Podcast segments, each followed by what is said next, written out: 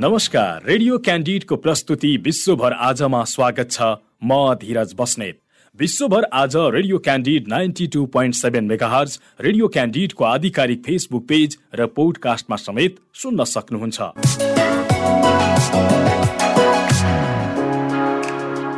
विश्वभर आजमा हामी विश्वभर घटेका ताजा र विशेष घटना समेटिएका समाचार सामग्री प्रस्तुत गर्दै आएका छौँ। विश्वभर आज हरेक दिन बेलुका आठ बजेको क्यान्डिड फटाफटपछि प्रसारण हुँदै आएको छ। विश्वभर आज भएका प्रमुख घटनाहरू जुन तपाईँले जान्न खोजिरहनु भएको छ वा जान्नै पर्ने केही विशेष छ जुन घटनाहरू प्रस्तुत गर्दै हुनुहुन्छ सहकर्मी माधव तिमिल सेना र यमुना राणा। युक्रेनका राष्ट्रपति भ्लोदिमिर जेलेन्स्कीले रुसमाथि थप हतियार र कडा प्रतिबन्धहरू लगाउन आह्वान गरेका छन्। पूर्वी युक्रेनमा रुसी आक्रमणको त्रासले भागेका महिला बालबालिका र वृद्ध वृद्धाहरूले भरिएको रेल स्टेसनमा हमला हुँदा कम्तीमा बाहन्न जनाको मृत्यु भइरहेका बेला जेलेन्स्कीको आह्वान आएको हो। पूर्वी क्षेत्रको क्रामाटोर्समा भएको सो हमलालाई राष्ट्रपति जेलेन्स्कीले नियोजित रूपमा भएको बताएका छन्। हमला भएका समयमा करिब चार हजार मानिस भेला भएको सहरका मेयरले अनुमान गरेका छन्। रुसले त्यहाँ रहेका पन्ध्र विदेशी संस्थाका कार्यालय बन्द गरिदिएको छ। रुसको राजधानी मस्कोबाट प्रकाशित हुने मस्को टाइम्सको अनलाइन संस्करणले जनाए अनुसार रुसले Human Rights Watch Amnesty International Carnegie Endowment for International Peace Friedrich Ebert Foundation Aga Khan Foundation Wspolnota Polska Association लगायत पन्ध्र अन्तर्राष्ट्रिय संस्थाहरूको स्थानीय कार्यालयहरू बन्द गरेको हो। रुसमा ती संस्थाको दर्ता समेत खारेज गरेको बताइएको छ।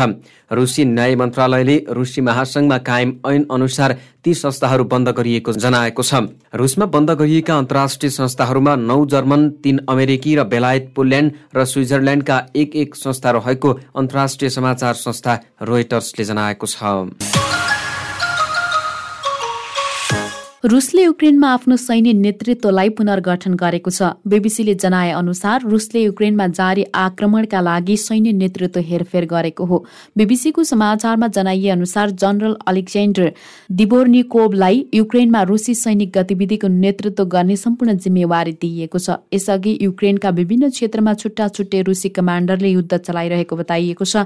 जनरल डिबोर्निकोभसँग सिरियामा रुसी कारवाहीमा राम्रो अनुभव रहेको पश्चिमा अधिकारीहरूले बताए आएका छन्। नाम नबताउने स्रोतलाई उद्रेत गर्दै बीबीसीले जनाए अनुसार यसअघि दिबोर्निकोभ रुसको दक्षिणी सैन्य जिल्लाका कमान्डर थिए। युक्रेन आक्रमणमा खटिएका विभिन्न इकाइसँग संयोजन सुधार्ने प्रयत्न स्वरूप नयाँ कमान्डर खटाइएको जनाइएको छ। अपेक्षा अनुसार सैनिक लक्ष्य हासिल गर्न नसकेको र किब जस्ता मुख्य सहरमा पनि नियन्त्रण जमाउन नसकेका कारण अहिले रुसी सेना पूर्वको डोनबास क्षेत्रमा केन्द्रित हुनु परेको बीबीसीले जनाएको छ।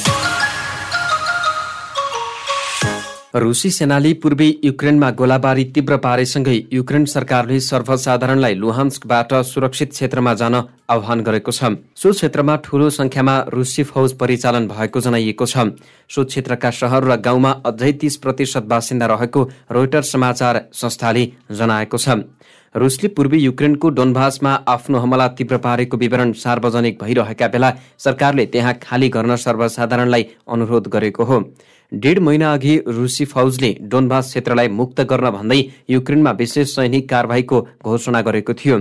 यद्यपि युक्रेनमा जारी रुसी आक्रमण सुस्त भएसँगै रुसले अब आफ्नो सैनिक गतिविधिलाई पूर्वी युक्रेनतर्फ केन्द्रित गर्ने जनाएको छ। युक्रेनमाथि जारी आक्रमणको जवाफमा बेलायतले पनि रुसी राष्ट्रपति भ्लादिमिर पुटिनका छोरीहरूमाथि प्रतिबन्धको घोषणा गरेको छ। पुटिनका छोरीहरूका साथै बेलायतले रुसी विदेश मन्त्री सर्गे लाब्रोभकी छोरीमाथि पनि प्रतिबन्ध लगाएको बेलायती सरकारले प्रेस विज्ञप्ति निकाली जानकारी दिएको छ। विज्ञप्तिमा भनिएको छ आजबाट क्रेमलिनको भित्री घेराको भव्य जीवनशैली थप लक्षित गर्दै बेलायती राष्ट्रपति भ्लादिमिर पुटिन र उनका विदेश मन्त्री सर्गे लाब्रोभका छोरीहरूलाई प्रतिबन्ध लगाउने भएको छ।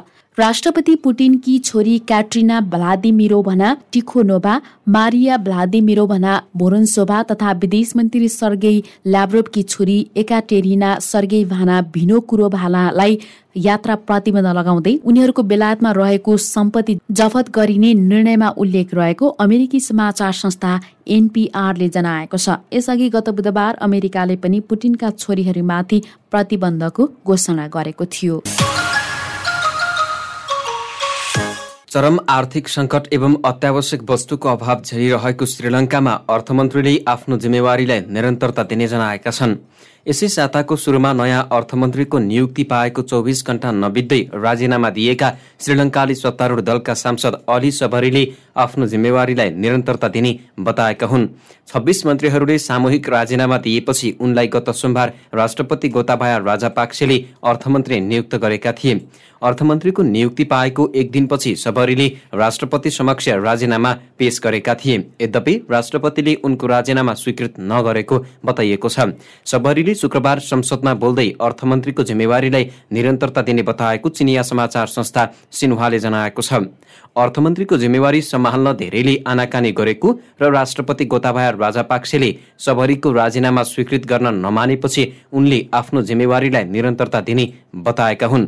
सबरीले भने जस्तोसुकै चुनौती सामना गर्नु परे पनि देशको अर्थतन्त्र बचाउन म अर्थमन्त्रीका रूपमा रहन र आवश्यक काम गर्न तयार छु। युक्रेनमा रुसिया आक्रमणपछि अस्थायी रूपमा पोल्यान्डबाट गर्दै आएका आफ्ना कूटनीतिक कार्य पुनः राजधानी किबबाट गर्ने युरोपेली युनियन इयुले जनाएको छ। युका सशस्त्र पदाधिकारीले किबको भ्रमण गरे लगत्तै यस्तो भनाइ आएको हो। यसअघि युरोपेली आयोगकी अध्यक्ष उर्सुला भुन डेर लाइन र इयुका विदेश मामिला प्रमुख जोसेफ बोरेलले किबको भ्रमण गरी युक्रेनी राष्ट्रपति भ्लोदिमिर जेलेन्स्कीसँग भेटवार्ता गरेका थिए। इयुको पछिल्लो कदमले युक्रेनी सरकारसँग इयुको अन्तर्क्रियालाई बढाउन बनाउने र युक्रेन नागरिकहरूलाई सहयोग गर्ने बोरेलले विश्वास व्यक्त गरेको समाचार संस्था रोइटर्सले जनाएको छ। युक्रेनमा रुसले चौबिस फेब्रुअरीमा हमला गरेपछि केही पश्चिमा देशहरूले आफ्ना कूटनीतिक नियोग बन्द गरेर कर्मचारीलाई स्वदेश बोलाएका थिए। पछिल्लो समय रुसले आफ्नो हमला पूर्वी युक्रेनमा केन्द्रित गरेको जनाइएको छ। डेढ महिना अघि युक्रेनमाथि रुसले आक्रमण थाले यता करिब एक हजार जहाजी बिचल्लीमा परेका छन्। युक्रेनी बन्दरगाह र समुद्रमा फँसेका व्यापारिक जहाजहरूमा रहेका करिब एक हजार जहाजीहरूलाई मद्दत र सुरक्षा गर्न संयुक्त राष्ट्रसङ्घका दुई एजेन्सीहरूले आह्वान गरेका छन्। फँसेका मध्ये एक सय भन्दा बढी व्यापारिक जहाजले युक्रेनी बन्दरगाह छोड्न नसकेको अन्तर्राष्ट्रिय श्रम संगठन आइएलओ र अन्तर्राष्ट्रिय सामुद्रिक संगठन आइएमओका प्रमुखहरूले बताएका छन्।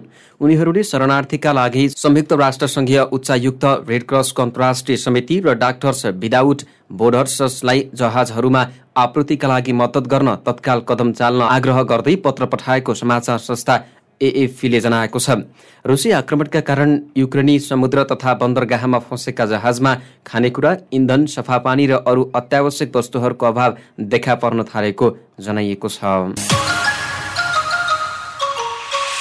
र अमेरिकाको न्युयोर्क सहर स्थित एक विद्यालयमा भएको गोलीकाण्डमा एकजनाको मृत्यु भएको छ। न्युयोर्क सहरको ब्राङ्क्स जिल्लामा रहेको साउथ ब्राङ्क्स विद्यालयमा बन्दुकधारीले जथाभावी गोली प्रहार गरेको अमेरिकी सञ्चार माध्यमले जनाएका छन्। मृत्यु हुनेमा सोह्र वर्षीय किशोरी रहेको जनाइएको छ। घटनामा अरू दुईजना घाइते भएका छन्। सुरक्षा अधिकारीहरूलाई उद्धित गर्दै एबिसी सेभेन न्युयोर्कले जनाए अनुसार घटना स्थानीय समय अनुसार सबेरै दुई बज्नुभन्दा अघि भएको हो। प्रहरीले बन्दुकधारीको खोजी गरिरहेको जनाइएको छ। अमेरिकामा बारम्बार यस्ता गोलीकाण्डका घटना हुँदै आएका छन्। अमेरिकी संविधानको दोस्रो संशोधनमै बन्दुक राख्न र बोक्न पाउने अधिकार दिइएकाले बन्दुकले अमेरिकामा एक किसिमको संस्कृति पहिचान स्थापना गरेको बताइन्छ। यद्यपि आलोचकहरूले भने बन्दुक संस्कृतिका कारण गोलीकाण्डका घटनाहरू हुने भन्दै यस्तो व्यवस्था हटाउन माग गर्दै आएका छन्। प्रस्तुतिमा हुनुहुन्थ्यो सहकर्मी माधव तिमिल सेना र यमुना राणा। विश्व गतिविधि रेडियो क्यान्डिडको दैनिक प्रस्तुति हो। तपाईँले रेडियो क्यान्डिडको वेबसाइट आधिकारिक फेसबुक पेज र पोडकास्टमा सुन्न सक्नुहुनेछ। सँगै खबर हब डट कममा पनि विश्व गतिविधि पढ्न सक्नुहुनेछ। भोलि फेरि यसै समयमा विश्व गतिविधि बुलेटिन लिएर उपस्थित हुनेछौ। आजलाई भने बिदा दिनुहोस्। नमस्कार।